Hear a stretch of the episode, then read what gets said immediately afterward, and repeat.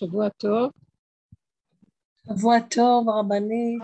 אתם שומעות אותי, אפרתי? יש כן, שומעים, שומעים טוב. שבוע טוב, שבוע טוב, שומעים אותך מצוין. שבוע טוב, יקרות. סליחה על האיחור, מה אני אעשה? סליחה על האיחור. את באמת רוצה שנסלח לך? אז אל תתנצלי. לא שמעתי עוד פעם. את באמת רוצה שנסלח? אז אל תתנצלי. שלא תקפידו בכלל, אז לא צריך גם לסלוח. נכון, נכון. זה כל התפילות שלי תמיד להשם, שאני מבקשת ומדברת ש... שאי אפשר פה, אין סוף לקטרוגים שיש בעולם, אין סוף. אנחנו נמצאים בתודעה שמה שלא נעשה, יהיה עלינו קטרוג. כי תמיד כל העבודה שלנו היא שאנחנו חסרים. וכשאנחנו הולכים בתודעה של להצטדק רגע, אני חייבת להזיז את התמונה. דעו לכם שמאוד מפריע לי שאני רואה את עצמי בתמונה, זה מאוד קשה לי לדבר ככה. האם אתם עדיין רואות אותי? ניתקתי? לא, לא, לא, לא רואים, שומעים, שומעים. אני אוריד איזה מסך. רואים ושומעים. אוקיי, אז אני משאירה את זה ככה, כי הורדתי איזה מסך וזה מאוד עוזר לי. אה, אני אומרת, שכל עוד אנחנו משתמשים בתודעה של העולם, זה מאוד קשה לשנות אותה, קל לדבר. מאוד קשה לשנות את התודעה של העולם. העולם חזק עלינו, זה, זה כאילו המציאות השתלטה על האדם, למרות שכל המציאויות נמצאות פה, אפשר גם לחיות פה במציאות אחרת, בתוך העולם פה. אבל מאוד קשה, ברגע שאנחנו יוצאים החוצה, ישר אנחנו מושפעים ממה שקורה. והמציאות פה היא מלאה קטרוגים.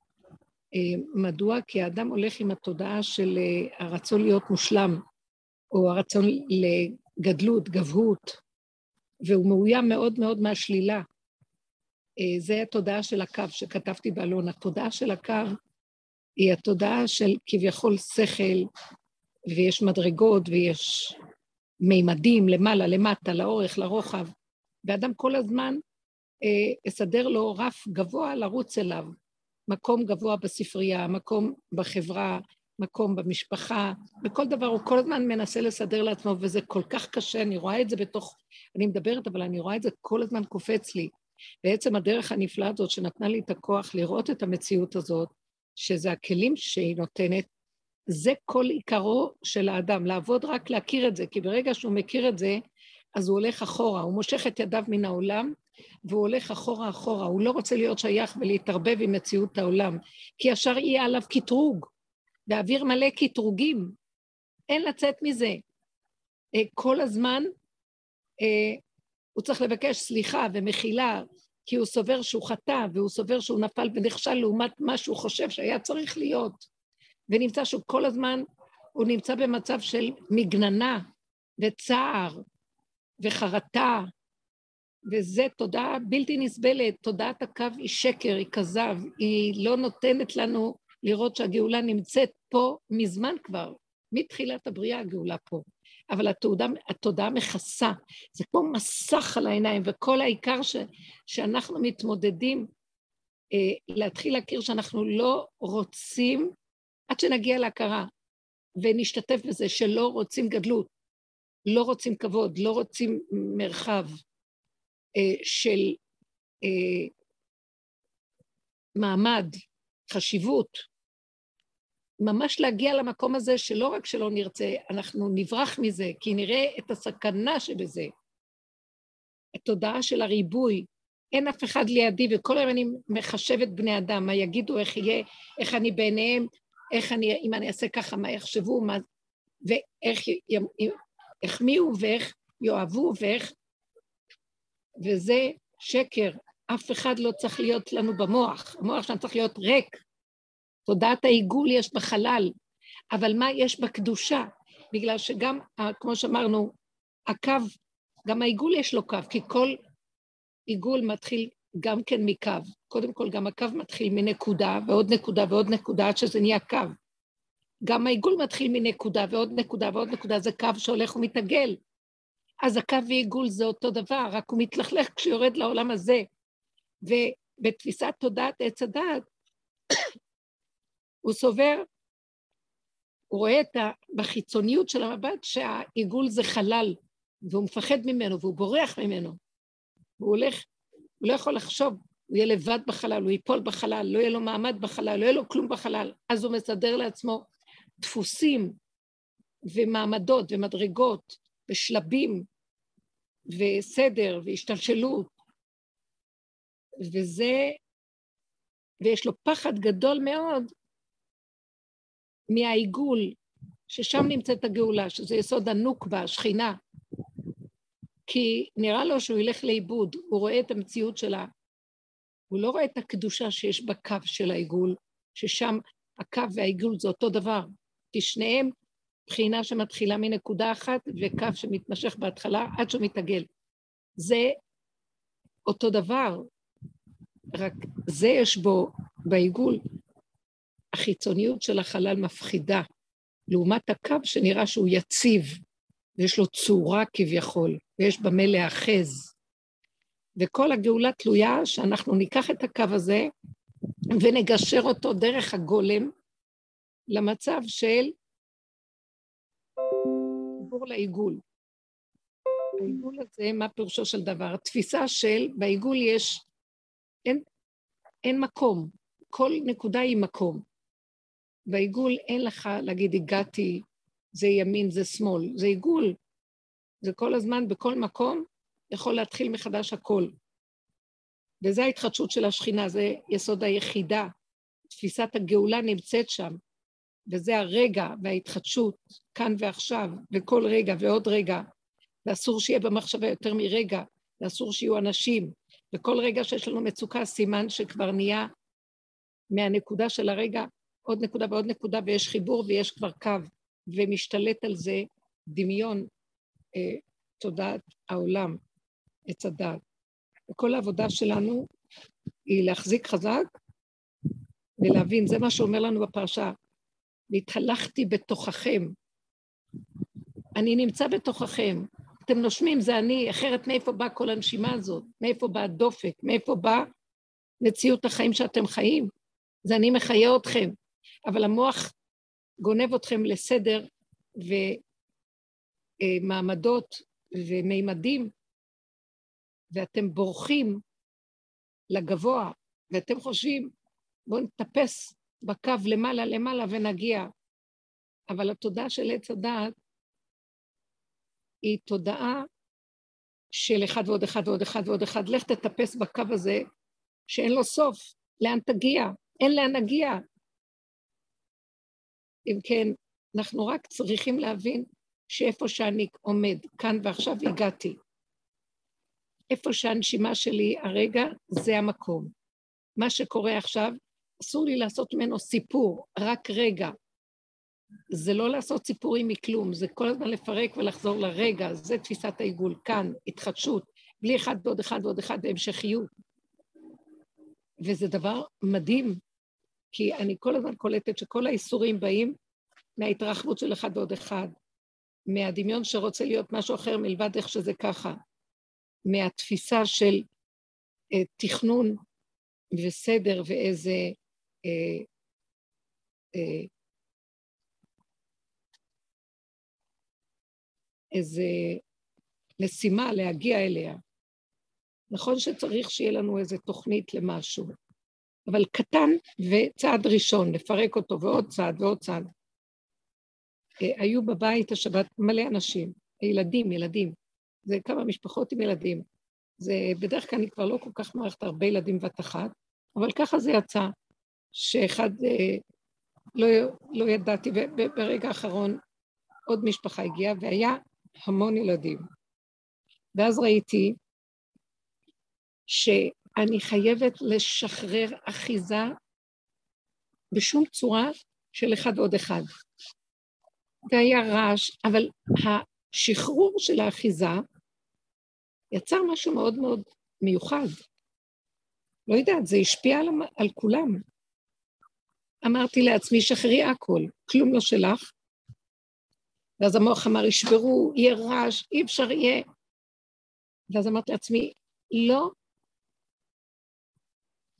לראות יותר מרגע.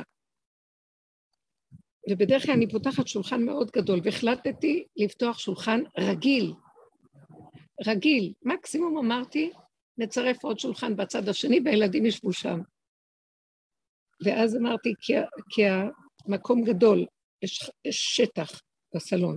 ואז אמרתי, נשאר, הקטן הזה צמצם אותי לרגע. והייתה שבת פשוט מדהימה, כי מה ראיתי? כולם הסתדרו עם המצב הזה של הרגע, כאן ועכשיו. זה לא היה משנה הרעש, לא היה משנה אה, שהיה ממש, אה, אחת לא הרגישה טוב, התחילה אפילו להקיא, וכל מיני מצבים שהכל כאילו לא היה כלום. אז טיפלו נקודתית בכל דבר. וזה, אני ראיתי את ההשפעה של לשחרר לגמרי אחיזה בסדר ותכונה וצורה ותוכנית של צריך להיות, איך זה צריך להיות. אני רואה את זה הרבה זמן, אבל כל פעם מחדש, אני ראיתי הפעם שזה היה משהו מיוחד, אני לא יודעת, אולי גם, זה היה, לא יודעת, איזו ברכה מיוחדת, שהייתה שבת, הם פשוט לא רצו ללכת. ובין הילדים הייתה אחדות מדהימה, וגם בין המבוגרים, ואף אחד, זה השפיע ברמה כזאת שנכנס מין כוח כזה שהוא המחבר. זאת אומרת, ברגע שאנחנו חיים בנקודה של הרגע, ובצמצום הקטן, ואני לא מריצה את המוח שלי בדרך הטבע של הקו, שאחד ועוד אחד שווה, אם אני אעשה כאלה פעולות, אז זאת תהיה התוצאה. נניח, הרבה ילדים, הרבה רעש, בלאגן, אי אפשר, לא. אה, אם אני אה, אגיד לכולם, איזה חבר'ה, איזה כיף, איזה זה, אני אחמיא להם, זה יהיה טוב. לא, שום דבר. רק לעמוד על עומדי ולהישאר בנקודה שלי, איך שאני בצמצום, בלי לרצות ולרוץ לשני, שזה נקרא לרצות, בלי שיהיה שום שני במוח שלי. כלום, רק רגע ואיך שזה ככה. זה להגיש, זה להוריד, זה לעשות, זה לשבת, זה ליהנות. וכל פעם שהמוח שלי רצה לרוץ בעיניים שלי להסתכל למעלה ובסובב, הכרחתי את עצמי לצמצם לתוך הנשימה של אין השקפה ואין התבוננות ואין גבוה ואין כלום, רק בתוך הנקודה. ונכנס שם כוח שהוא המאחד, הוא המחבר, הוא המסדר, הוא פשוט מנהל את הכל, ובלי היתקלות ובלי...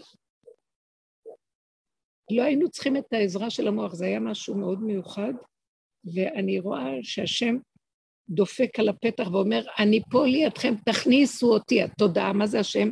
תודעת השכינה. זה להקים את השכינה. זה התודעה של הצמצום, של הקטנות, של ההתחברות למציאות העצמית.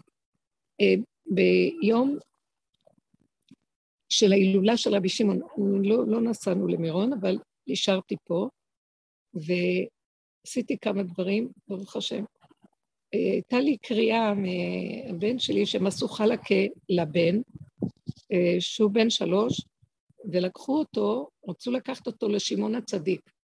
הם, הם אמרו שזה היה ספונטני, בהתחלה חשבו לעלות למירון, אחר כך לא, ואז הם אמרו לו, לא, נעשה את זה בשמעון הצדיק בירושלים, במערת שמעון הצדיק.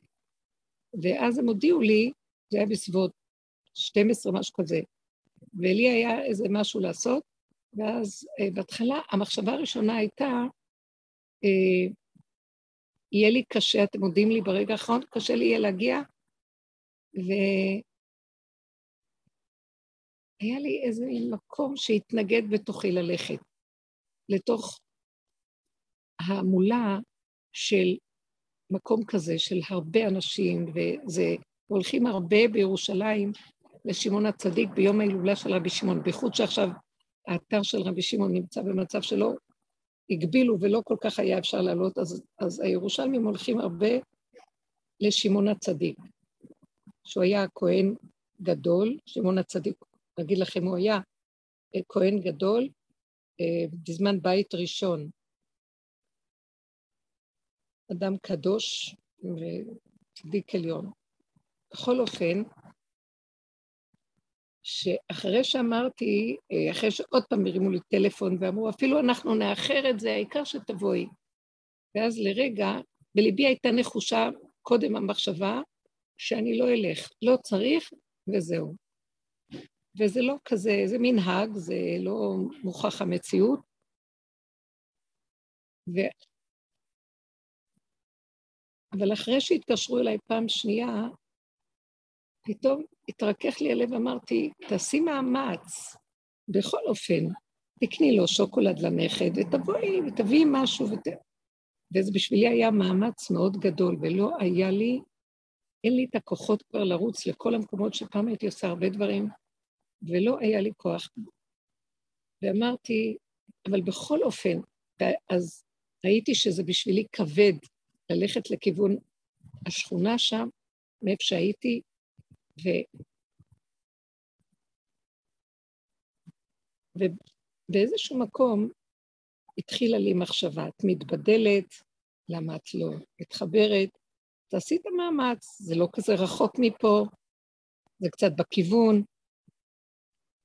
ואז מאותו רגע שאמרתי, בכל אופן אני אלך, אתם פשוט לא יכולים להבין, כל ההתנגדויות שבעולם קמו עליי, אבל אני הלכתי עם התוכנית ללכת. זה לא הייתה תחבורה.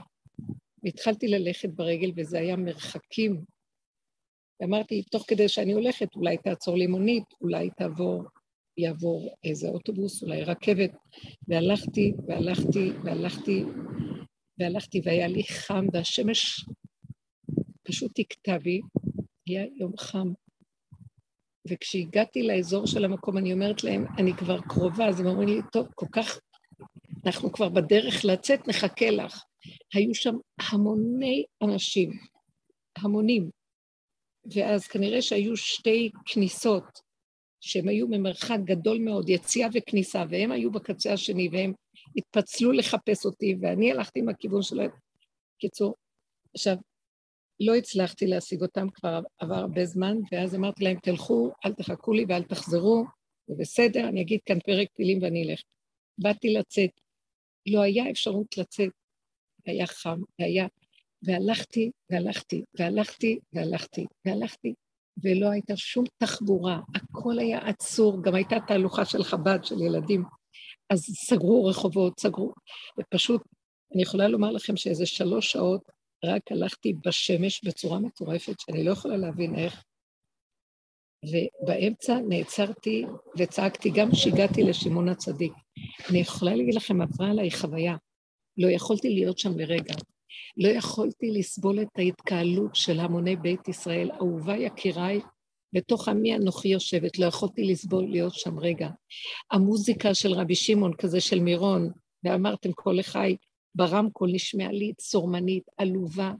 אנשים נראו לי עלובים, הכל נראה לי עלוב וקשה, והיהודים תקועים ותקועים. זו הייתה חוויה מזעזעת שעברה עליי, ורק יכולתי כל הדרך שהייתי שם וגם כשיצאתי משם, רק לצעוק בתוך הנפש ודיבור בחוץ, תוך כדי שאני הולכת.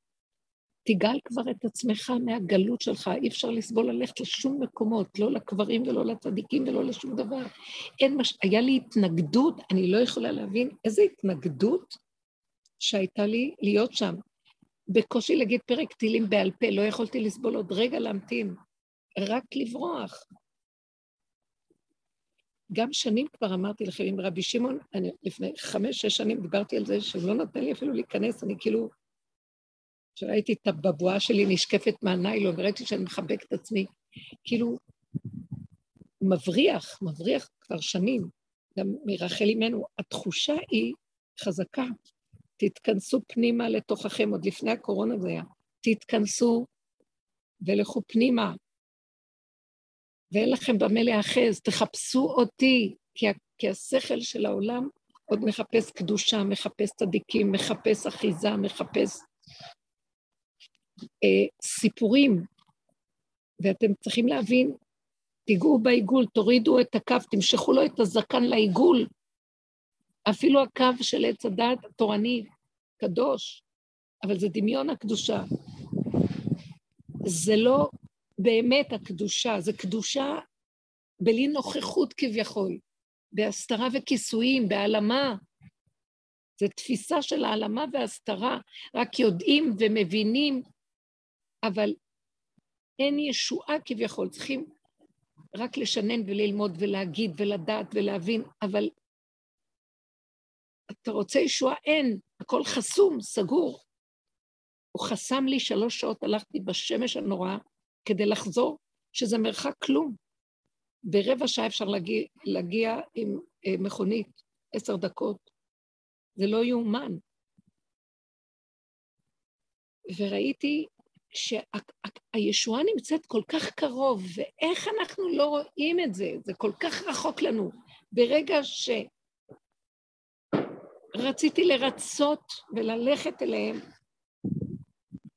ראיתי שהכל מתנגד לי, והמשכתי עם התוכנית, ולא הפסקתי. הוא כאילו אומר לי, את בוגדת בי, את בוגדת בנקודה שלי, בנפש שלך. זה לא נפש אפילו, זה כבר לא נפש, זה... הנפש זה עוד רצון. פה זה לא רוצה, זה לא הרצון, זה הרצון של מוח עץ הדעת, מוח הקו, בגבולו, גולם, לא, אני לא רוצה. ונפתח לי משהו של להיות באחדות ולהשפיע ולתת להם טוב ולעשות להם ולהביא להם ולשמח אותם שאני בהם כל כך עצוב, אמרתי. אבל את לא רוצה. למה את שוכחת את הנקודה שלך? והרגשתי שהוא מכה אותי. הוא אומר לי, בגדת בי שלא הקשבת לנקודה שלך. את לא צריכה לרצות את תוך כלום, אז אל תגיעי, תגידי להם, לא, אני לא יכולה, מילא אתם מגיעים אליי לשבת מחר, והכל בסדר, לא צריך, הכל טוב, ולא לתת למחשבה לחשוב הלאה. לי זה קשה, אולי לכם פה זה קל. יש לי שטחים אחרים שקל לי, יש שטח אחר שהוא קשה, וכל אחד איפה שקל לו או קשה לו שונה, אבל איפה שהנקודה, שאני רואה את החולשה, שאני אוהבת, אני אוהבת את היהודים, אני רוצה לבוא, אני רוצה לחבר, אני רוצה... לא, אני מרשה לך רק אם אני נותן רשות, וזה לא את המחברת, זה אני המחבר. אל תלכי נגד. והלכתי נגד. אה, גילוי הקדושה זה כאן ועכשיו מתחת לאף בפשטות. זאת הקדושה. והיא בשנייה מגיעה. כשאני עומדת בנקודת הגבול שלי, מכבדת אותו, מתחברת איתו ומתאחדת איתו, והופך להיות, זו עבודה שצריך כל כך להתאמן עליה, כמו שכותב הלשם, שההשתוקקות של האדם מעצמו לעצמו היא הכי גדולה, למה שהוא רוצה, ומה שהכי שייך לו, הוא הכי מחובר אליו. כי ככה השם ברא את הבריאה. האחדות עם הנקודה של עצמו היא הדבר הכי גבוה. משם נובע הקשר של השכינה. אבל עץ הדת יגיד לנו, אתם אנוכיים, אתם עם עצמכם, ובאמת זה נכון. אם אנחנו לא עובדים לפי השלבים של הדרך עד לנגיעת הגולם והתשישות הנוראה, ומתבררים שאיפה שאנחנו חיים כל הזמן בריצויים, אין אדם מת וחצי תאוותו בידו, תרצה את כל העולם. הם עוד ימשיכו להתלונן, למה לא עשית להם עוד? כי ככה זה העולם בתודעה הזאת. ואנחנו צריכים להפסיק עם זה ולהיכנס לתוך הנקודה שלנו בחיבור אמיתי ולהרפות. והפחד של, שמא לא נהיה מחוברים, שמא אנחנו לא עושים את רצון הבורא, שאנחנו לא נותנים מעצמנו, שאנחנו לא מתקללים, זה פחד שווא, מדוע? משום שעץ הדת אומר, אני המחבר, אני המתקלל, אני העובד, אני העושה, אני אעשה פעולות, אז אני אתחבר. ואילו הנקודה אומרת, נכון שאני רוצה שתתקללו ותתחברו, ובתוכמכם אתם יושבים ותתאחדו, אבל לא שאתם על ידי מחשבות רבות מאחדים ומתקללים, אלא על ידי זה שאני, תתחברו לנקודה הפנימית שלכם האמיתית, תתנקו שם, תוותרו על הכל, רק עליה איתה תתחברו ותשתוקקו לה. משם אני אחבר אתכם בקל. אני אאחד אתכם בלי שום מאמץ. בשנייה אתם מאוחדים, בלי שום מחסומים והפסקות. תקימו אותי, אני נקודה בתוככם, שממני כל הישועה שלכם. ונסת ואין רודף. אנחנו חיים כל היום בחרדות ופחדים. מסתכלים ימינה שמאלה, אי אפשר לחיות ככה, זה הופך להיות יותר ויותר מסוכן. הפחד שלנו מעורר את הקליפה דווקא להתגרות בנו ודווקא להפחיד אותנו, היא לוקחת מאיתנו את הפחד הזה והיא משתמשת בו נגדנו. ואילו אנחנו צריכים לחזור פנימה לנקודה שלנו משם, עוז ותעצומות לעם. אה, נורא אלוקים ממקדשך הוא נותן עוז ותעצומות לעם, ברוך אלוקים. זה הפסוק בתהילים. נורא אלוקים מקדשך. כשאנחנו מתחברים לנקודת האמת היחידה, הגבול של השכינה, בתוכנו, שבחינת, הקודש שלנו, אז הוא מתגלה בנוראותיו. מה, מה הם הנוראות שלו? שממנו בשנייה אחת יש ישועה. בשנייה אחת, בגילוי הזה שאני מתחבר ליחידה שלי, ולא, אני נאבק לא לתת למוח לזלוג לי החוצה ולחשבן חשבונות ולראות את השני, שלישי ורביעי ולעשות אחד ועוד אחד שווה, ואז תראו, זה ככה פרשנות משמעות, אלא אני נשארת מחוברת לנקודה. הנקודה הזאת מגלה את נקודת השכינה, החיבור, ואז המקום הקדוש מתגלה, נורא אלוקים ממקדשך, הוא נותן עוז ותעצומות לעם. הוא זה שנותן לנו את העוז ואת התעצומות לנשום, וכל פעולה שעושים, מי יוכל לנו? אחד מכם ירדוף אלף ושניים רבבה, ושכבתם לבטח ואין מחריד. והשיג דיש את בציר ובציר ישיג את זרע. זה הכל קורה מאליו, התהליכים עתידה אישה ללד בכל יום, לא נרגיש את הזמן של תשעה חודשי לידה. לא יהיה משמעות לריבוי, לזמן, למקום, להשתלשלות, לסדר, אלא כל רגע איכשהו ככה. אנחנו מפחדים שאם נאבד את האחיזה בסדר וברגע, אז אנחנו ניפול לחלל, תוהו ובוהו, ואז אנחנו ממשיכים להיאחז. אבל באמת באמת, כמה פעמים היה לי מין חלומות כאלה שהרגשתי שאני פוחדת, זורקים אותי לחלל ואני נוחתת למקום מוגן, הכל טוב, מחזיקים אותי. הקו והעיגול מתחברים ויש שם משהו שמחזיק אותנו, זה לא קשור אה, לתודעה הזאת של האני, שאם אני אעשה ככה זה וזה יהיה התוצאה. הקו והעיגול הם כל הזמן בחיבור, זה אותו דבר. רק המוח גונב את זה בפרשנות ואומר, בקו יש סדר ויש לי אחיזה בסדר, בהיגיון, במשמעות, בצורה. ואז אני מפחד ליפול לחלל, כי זה איך שעץ הדת רואה את העיגול חלל פנוי, אבל אני לא צריך לחשוב כלום.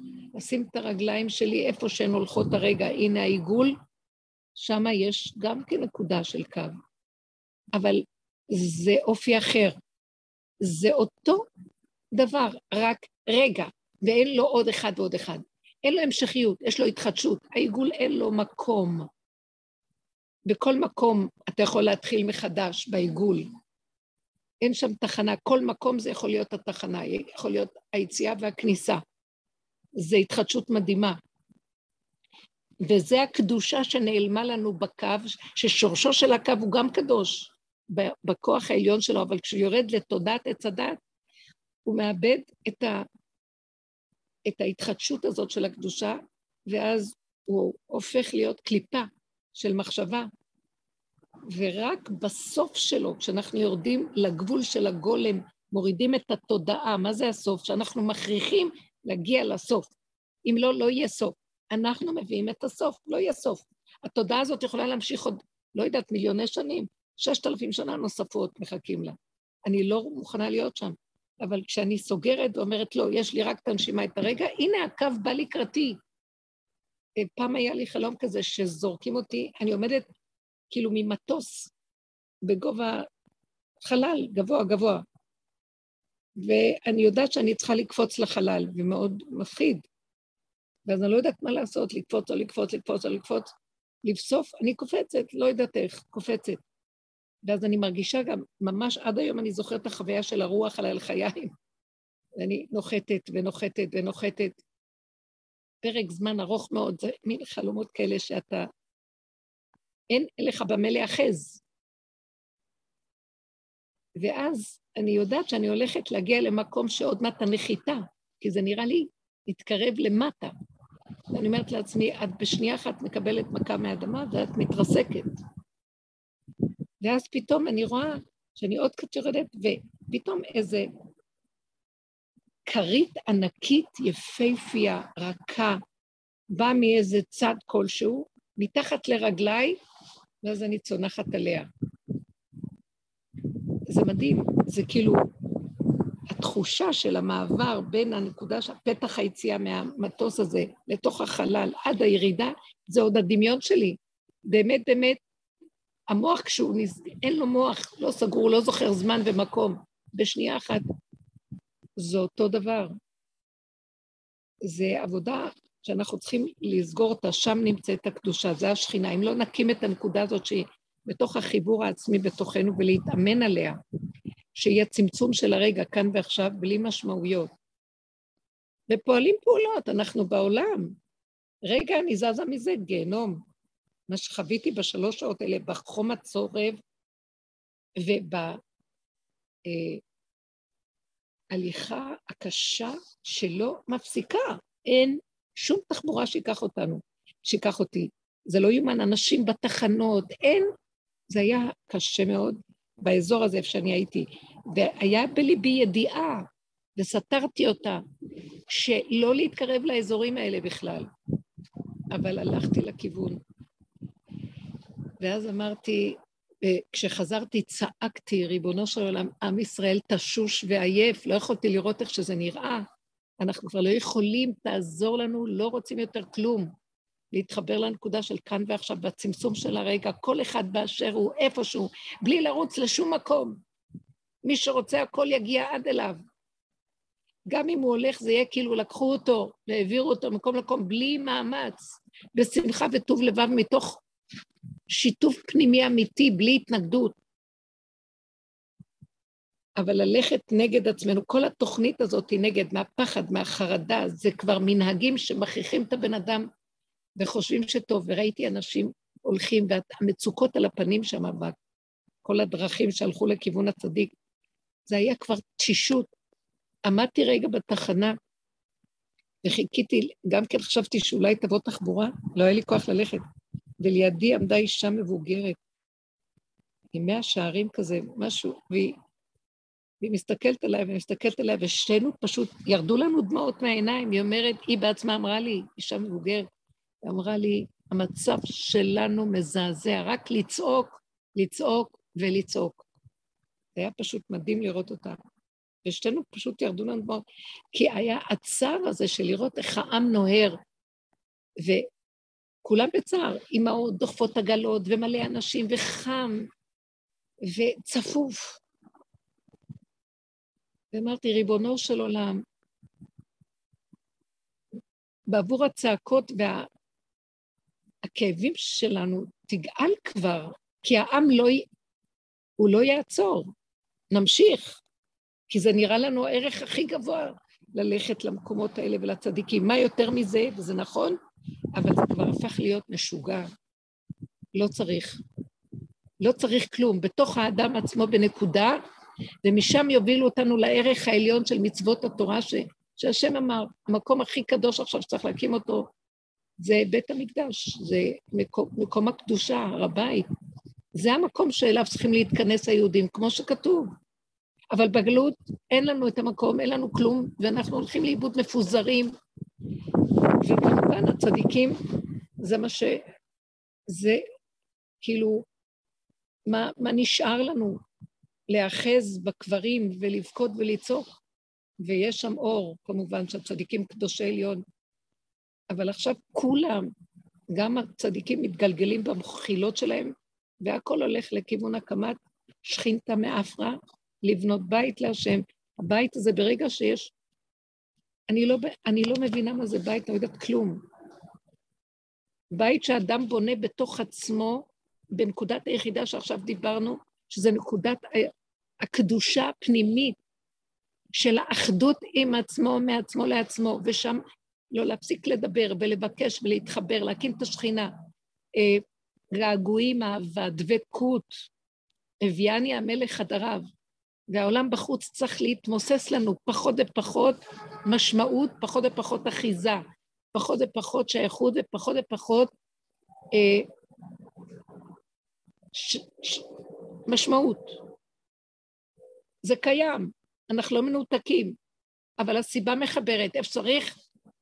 ברגע הנכון, במקום הנכון. כשאדם נמצא במקום הפנימי שלו ושם הוא מתאחד בלי, הוא מברר את נקודת האמת שלו בלי להתחנף, בלי לרצות, בלי לדלג הנקודה שלו, מציון תצא תורה, מהנקודה הפנימית שלו, משם ייפתח האפשרות שבאמת באופן מעשי ייקחו קורה, ייקחו אבן ויבנו בית להשם. הבית זה לא משנה. זה לא משנה. אם כל אחד ואחד בתוכו בונה את הנקודה הזאת, ממילא זה ייבנה גם בגשמי, כי זה התכלית של השם. לזמן קצר זה ייבנה ויהיו קורבנות, לזמן מאוד קצר, כמו שכותב הרמב"ם, וגם כותבים את זה ב... גם בספר יחזקאל, שהוא מתאר את הבית השלישי, זה כאילו האדם שהוא נוגע בנקודת האמת שלו והוא הולך משם בלי נגיעה, בלי לראות שני, שלישי, רביעי, רק הוא רואה את נקודת המטרה בתוך עצמו, זה מה שיוביל אותו, שירד מאליו הבית. מה זה ירד מאליו? אנחנו נבנה, נשים קרש, נשים אבן, אבל זה בנקל, אין מעקשים בדרך, אין התנגדויות, אין כלום. אין מלחמה ואין שנאה ואין קטטה ואין כלום. ככה נבנה הבית. לא אה, בכעס, גם הבית הפנימי שלנו, לא בכעס, לא ברוגז. איפה שהסיבה מובילה, תלכי, איפה שלא, אל תתנגדי ותילחמי עם עצמך. לא מניפים גרזן בבית של השם, על המזבח. לא, לא בונים אותו רק באבן פשוטה, ולא בברזל, לא מניפים ברזל על המזבח. המקום של שלום, מאליו הכל יוצא. עומדים, רב, עומדים צפופים ומשתחווים רווחים, היו ניסים קורים שם, לא בדרך טבע. עכשיו, שיש כזה מקום, העולם יפסיק להילחם, יורד אור של קדושה בכזה דבר באופן פיזי ממש, ויפסיקו המלחמות, והשפע והברכה יבוא, משפט אמת ויושר וצדק יהיה בעולם, ויתקיים ממש מה שכתוב בנביאים, שלא יישא גוי אל גוי חרב ולא ילמדו עוד מלחמה. וגר זאב עם כבש וגדי עם ארי ירבץ. ותינוק השתעשע עם פטן, עם, עם הנחש הכי ארסי ולא ייגע בו כלום. זה המקום שלה, שתיפסק השלילה הנוראה של הקטרוג והרוע, שכל הזמן מחפש איך לשלול את החיים פה, איך שיהיה קשה הכל. הנקודה של הקדושה היא כל כך קרובה אלינו. רק לסגור את המוח של חשיבה של עת הדת, והיא קשה, זה קשה. אז אה, הדרך שעבדנו עוזרת לי מאוד איך, אין לי כוח.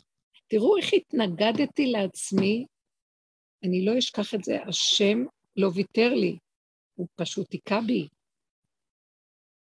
בוגדת, הרגשתי בוגד, הוא קרא לי, את בוגדת בי. בשביל מי ובשביל מה?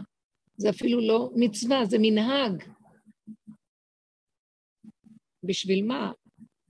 במילא את השיער נותנים לכל מיני גברים צדיקים לחתוך. מה, בשביל להביא שוקולד, בשביל להראות לכולם שהגעת, בשביל לברך? מה לברך? להכי אותו מפה. זה היה, פשוט ראיתי איך השתלט, ו... וחשבתי, זה הולך להיות מאוד קצר וקל, וצ'יק צ'אק אני יכולה לקפוץ. והוא העריך לי ועיקש אותי בדרך והיכה בי בשמש, וזה לא היה נורמלי, אני פשוט ראיתי שהוא לא מוותר לי. אני אלמד אותך. תחזרי לחיבור הנכון, ותפסיקו עם המחשבות, ככה הוא צועק לי, שאתם פועלים פה משהו ועושים, ואחד ועוד אחד יעשה משהו.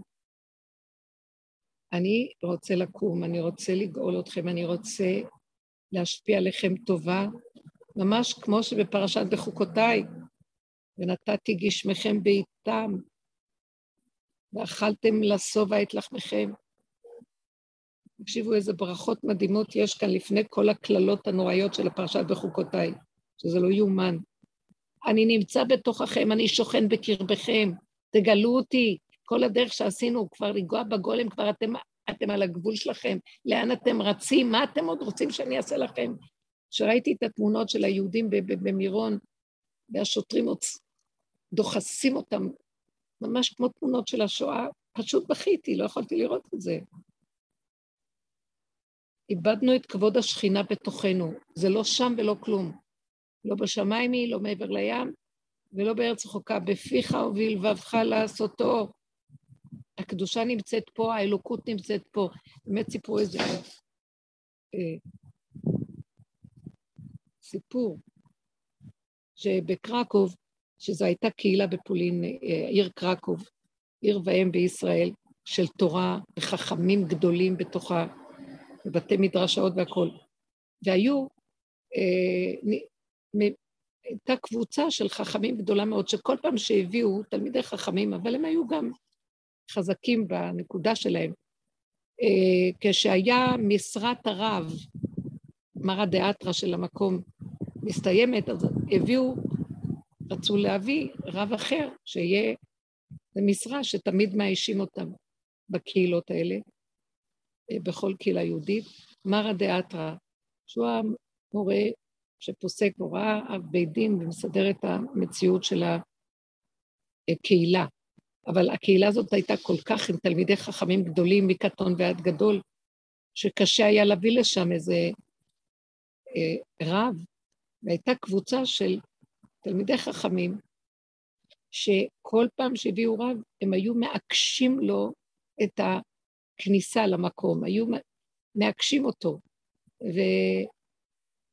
ובכל הצורות, אה, באיזשהו מקום מפריעים למשרה שלו להתקיים, ולא בצורה בוטה, אבל מתוך החוכמה שלהם, שהם תמיד הראו שהם יודעים במילא הרבה, אז כל פסק או כל משהו, הם לא קיבלו בקלות את הפסק. ואז הגיע לשם, פעם אחת לא ידעו מה לעשות, אז הביאו איזה, את.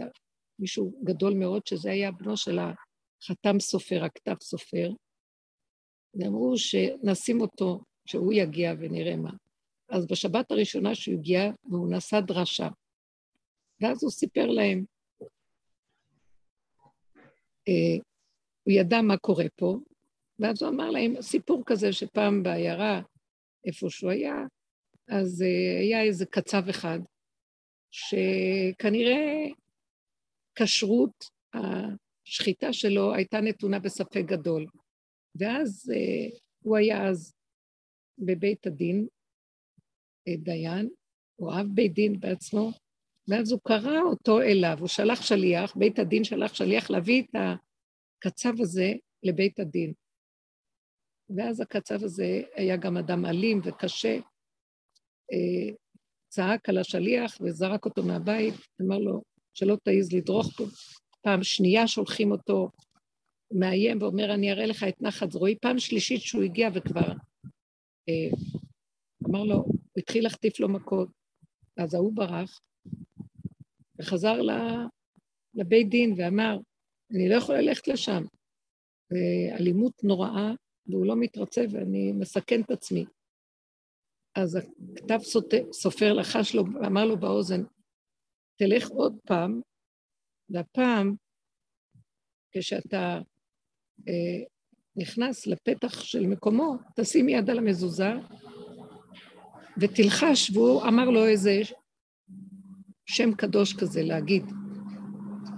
ואז אתה לא תינזק. בכל אופן, תלך ותזמין אותו לבית הדין.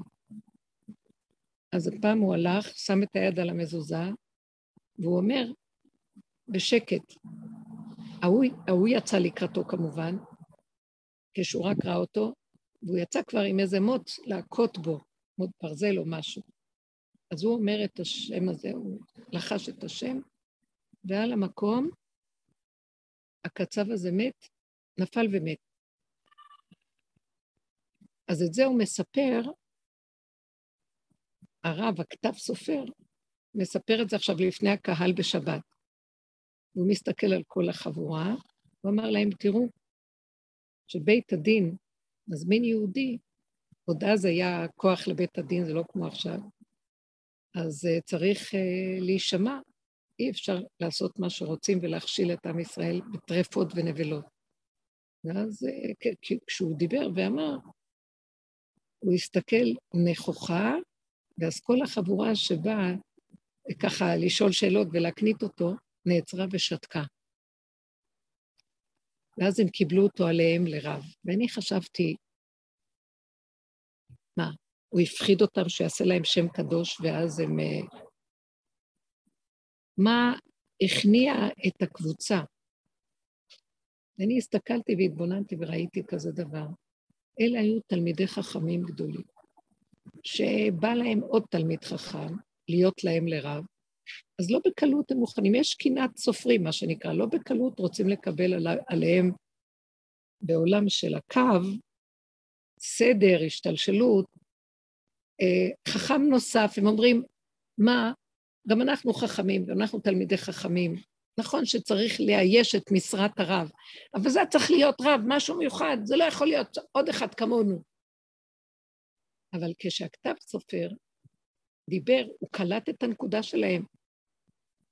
וכשהוא דיבר וסיפר את הסיפור הזה, מה הם ראו? או... זה לא רק חכם, זה חכם אלוקי. יש פה נקודת אלוקות. הוא פועל פעולה שלא כל חכם יכול לעשות. לא רק שהוא חכם ויודע, אבל גם יש פה נקודה אלוקית שיכולה לפעול בפועל פעולה באופן מעשי, ולא רק שם, שיהיה חוקים, וצריך לכבד בית דין, ויגידו אוי ואבוי למי שלא יכבד, לכבד. אה, זה לא שהוא מעצמו התרגז על אותו אה, קצב, חס וחלילה. זה התורה. זה ביזיון בית הדין, זה ביזיון התורה, זה ביזיון, זה הכשלת עם ישראל ובריש גלי ובעזות מצח. אז פה זה כבר הקדושה תתגלה ותיתן, ולכתב סופר היה כוח יד ורגל במקום של הקדושה. יש איזה מקום, שזה הסיפור שקראנו, כן, ויש איזה מקום שאני לקחתי ממנו ואמרתי, הבנתי את החכמים, בהתחלה אמרו, מה זה החבורה הזו של הארכיפרכית של חכמים שמעיפים רבנים מפה? מה זה פה? אבל לא, אבל היה להם איזו נקודה שהם אמרו, אנחנו מכירים שצריך חכמים, אבל אנחנו מספיק חכמים גם, אבל חוץ מזה, מי שיבוא לכאן צריך להיות יותר מחכם. ואני מרגישה שהעולם מלא חוכמה, מלא דת, מלא בינה, מלא מה לא, בדרך הקו, סדר השתלשלות. ויש תחרות, קנאת סופרים, בסדר, הכל. אני מדברת על רובדים לא של סתם פשוטי עם או כל מיני כאלה בעולם החילוני. מדברת על אנשים שיושבים, תלמידי חכמים, אנשים צדיקים והכול. גם צדיקים, זה גם קשור לקריבות צדיקים והכול. אבל אנחנו רוצים, רצוננו לראות את מלכנו, רוצים שהחושים ייפתחו ושתתגלה קדושה ושיראו שיש אלוקים בנשימה ובכל פעולה. וכשהתורה אומרת ככה ומפני, אם לא תעשו כך וכך, כך וכך יקרה, זה צריך בחוש להיות, ולא סיפורים ודיבורים, אף אחד כבר לא מעריך את מה שכתוב, כי חסר הכוח האלוקי בזה. חייב גילוי אלוקות פה, אין כאן ישועה. בצורה איך שאנחנו נראים, מדינה, וכל איך שזה נראה, פחד, זה, זה, זה צער על כל אלה שנהרגים ומתים, וחיילים וכל מיני דברים, זה אי אפשר להכיל את זה. יקום אלוקים, יפוצו איביו, ינוסו משנאיו מפניו. איך? כי מציון המצוינת זה יצא, כשיש נקודת החיבור לנקודה הזאת, ואנחנו עושים מאמץ להישאר שם, ולא להוציא את הראש עד שהראש שלה, של הקדושה, לא יקום קודם. והוא יקים. צריך להיות נאמנות לנקודה הזאת, וצריך כינוס וצמצום גדול, שלא לתת לעולם ממשות, החנופה והריצוי והחשבונאות, ולתת ממשות לכל מה שזז בעולם, יתגשם ברמה הזאת. זה לא גשמי של חומר, זה גשמי של תודעה. תודעה, תפיסה, תפיסה התגשמה. זה סך הכל תפיסה, זה תפיסה פסיכולוגית. תודעת עץ הדת, והתגשמה שהיא יוצרת מציאויות. בני אדם מפחדים אחד מהשני, מרצים, משקרים. אנחנו קוברים את השכינה בתוכנו בשביל חשבונאות של איזה מישהו שאולי ימצא חן בעיניי, או שאני אשיג ממנו משהו באיזה אינטרס.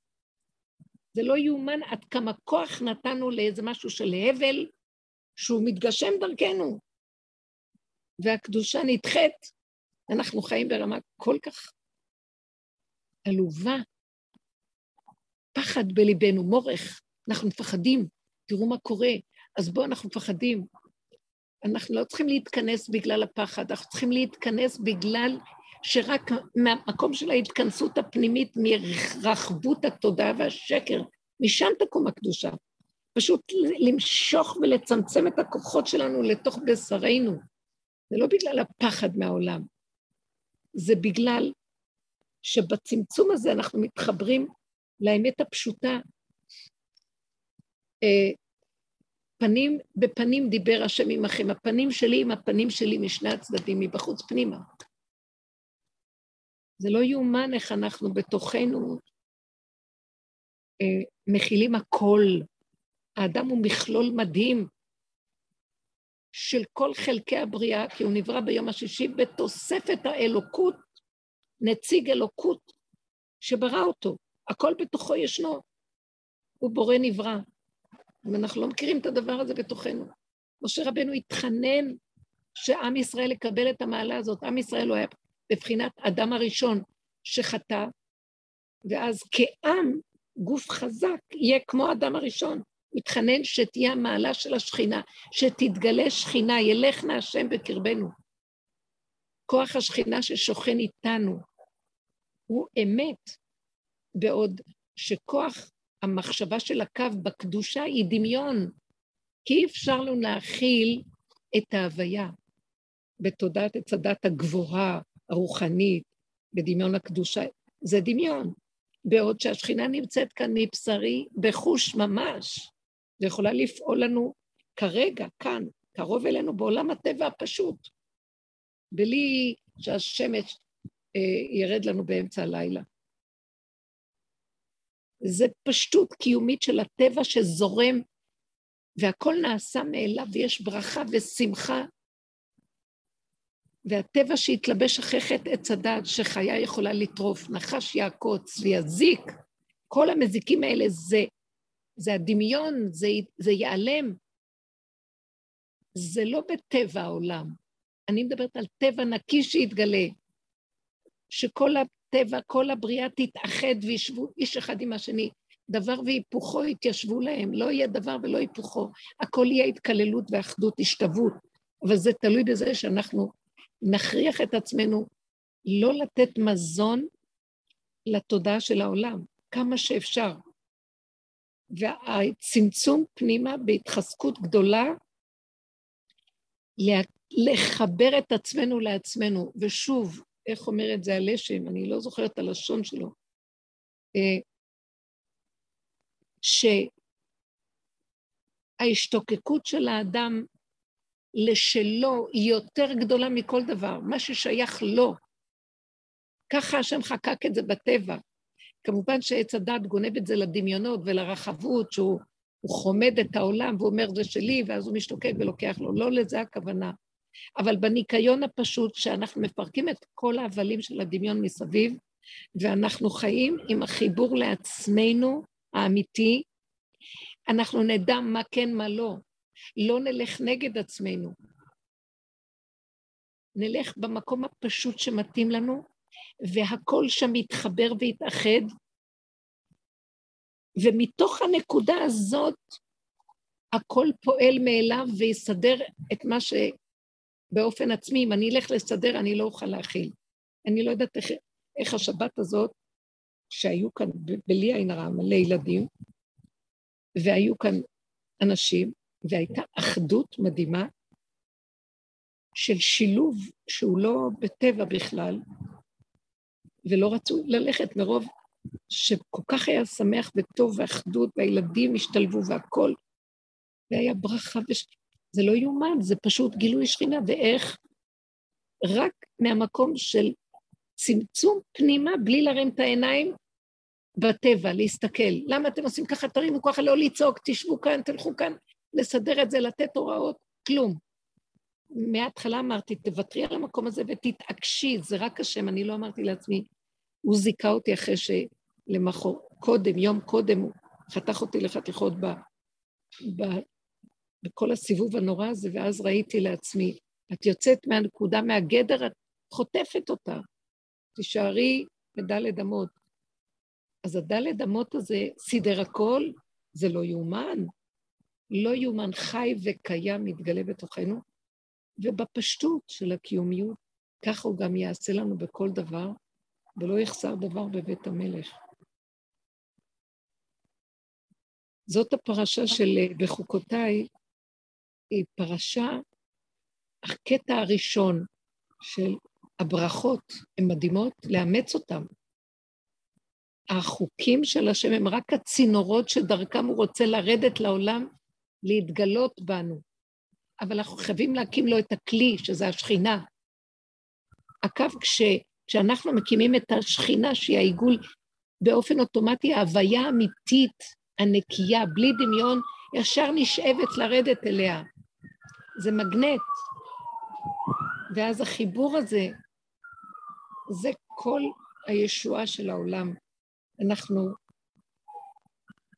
מחפשים את המקום הזה של הישועה הזאת, שבלי מאמץ, בלי עמל, בלי הגיעה, שבת, שביתה, מתיקות, גילוי האור הקדוש, מאליו הכל אה, בלי עמל והגיעה וצער. לא רוצה אפילו להשתמש במילים האלה, כמה שאפשר, לא, לא צריך אותם. רק לאמן את עצמנו חזק חזק ונתחזק, לרדת לתוך השורשים שלנו בבשר, ולא לתת למוח לפזר אותנו ולהסעיר אותנו. תודה רבה. אם יש לכם משהו לשאול אולי.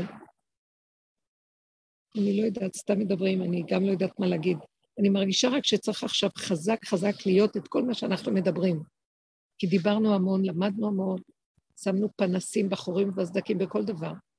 והדיבור הוא טוב להמשיך אותו כי הוא מקשר אותנו, אבל נדרשת מאיתנו התעקשות חזקה מאוד של לקיים את מה שאנחנו יודעים, בפועל ממש. צמצום פנימי חזק, שמשם הוא ירחיב אותנו כמו שצריך. אנחנו לא מתנתקים על ידי הצמצום הזה. אנחנו פשוט מאפשרים לכוח הזה לקום, והוא מחבר אותנו דרכנו. דרכנו הכל נעשה, אבל אנחנו נרגיש שזה לא מהמוח שלנו וזה לא מהכוחנות ולא מהדפוסים הקודמים שמוכרים לנו קודם. כן. תודה, תודה רבה, רבנית, היה כל כך ברור שלא צריך עוד מילה אחת נוספת. תודה, תודה, תודה רבה.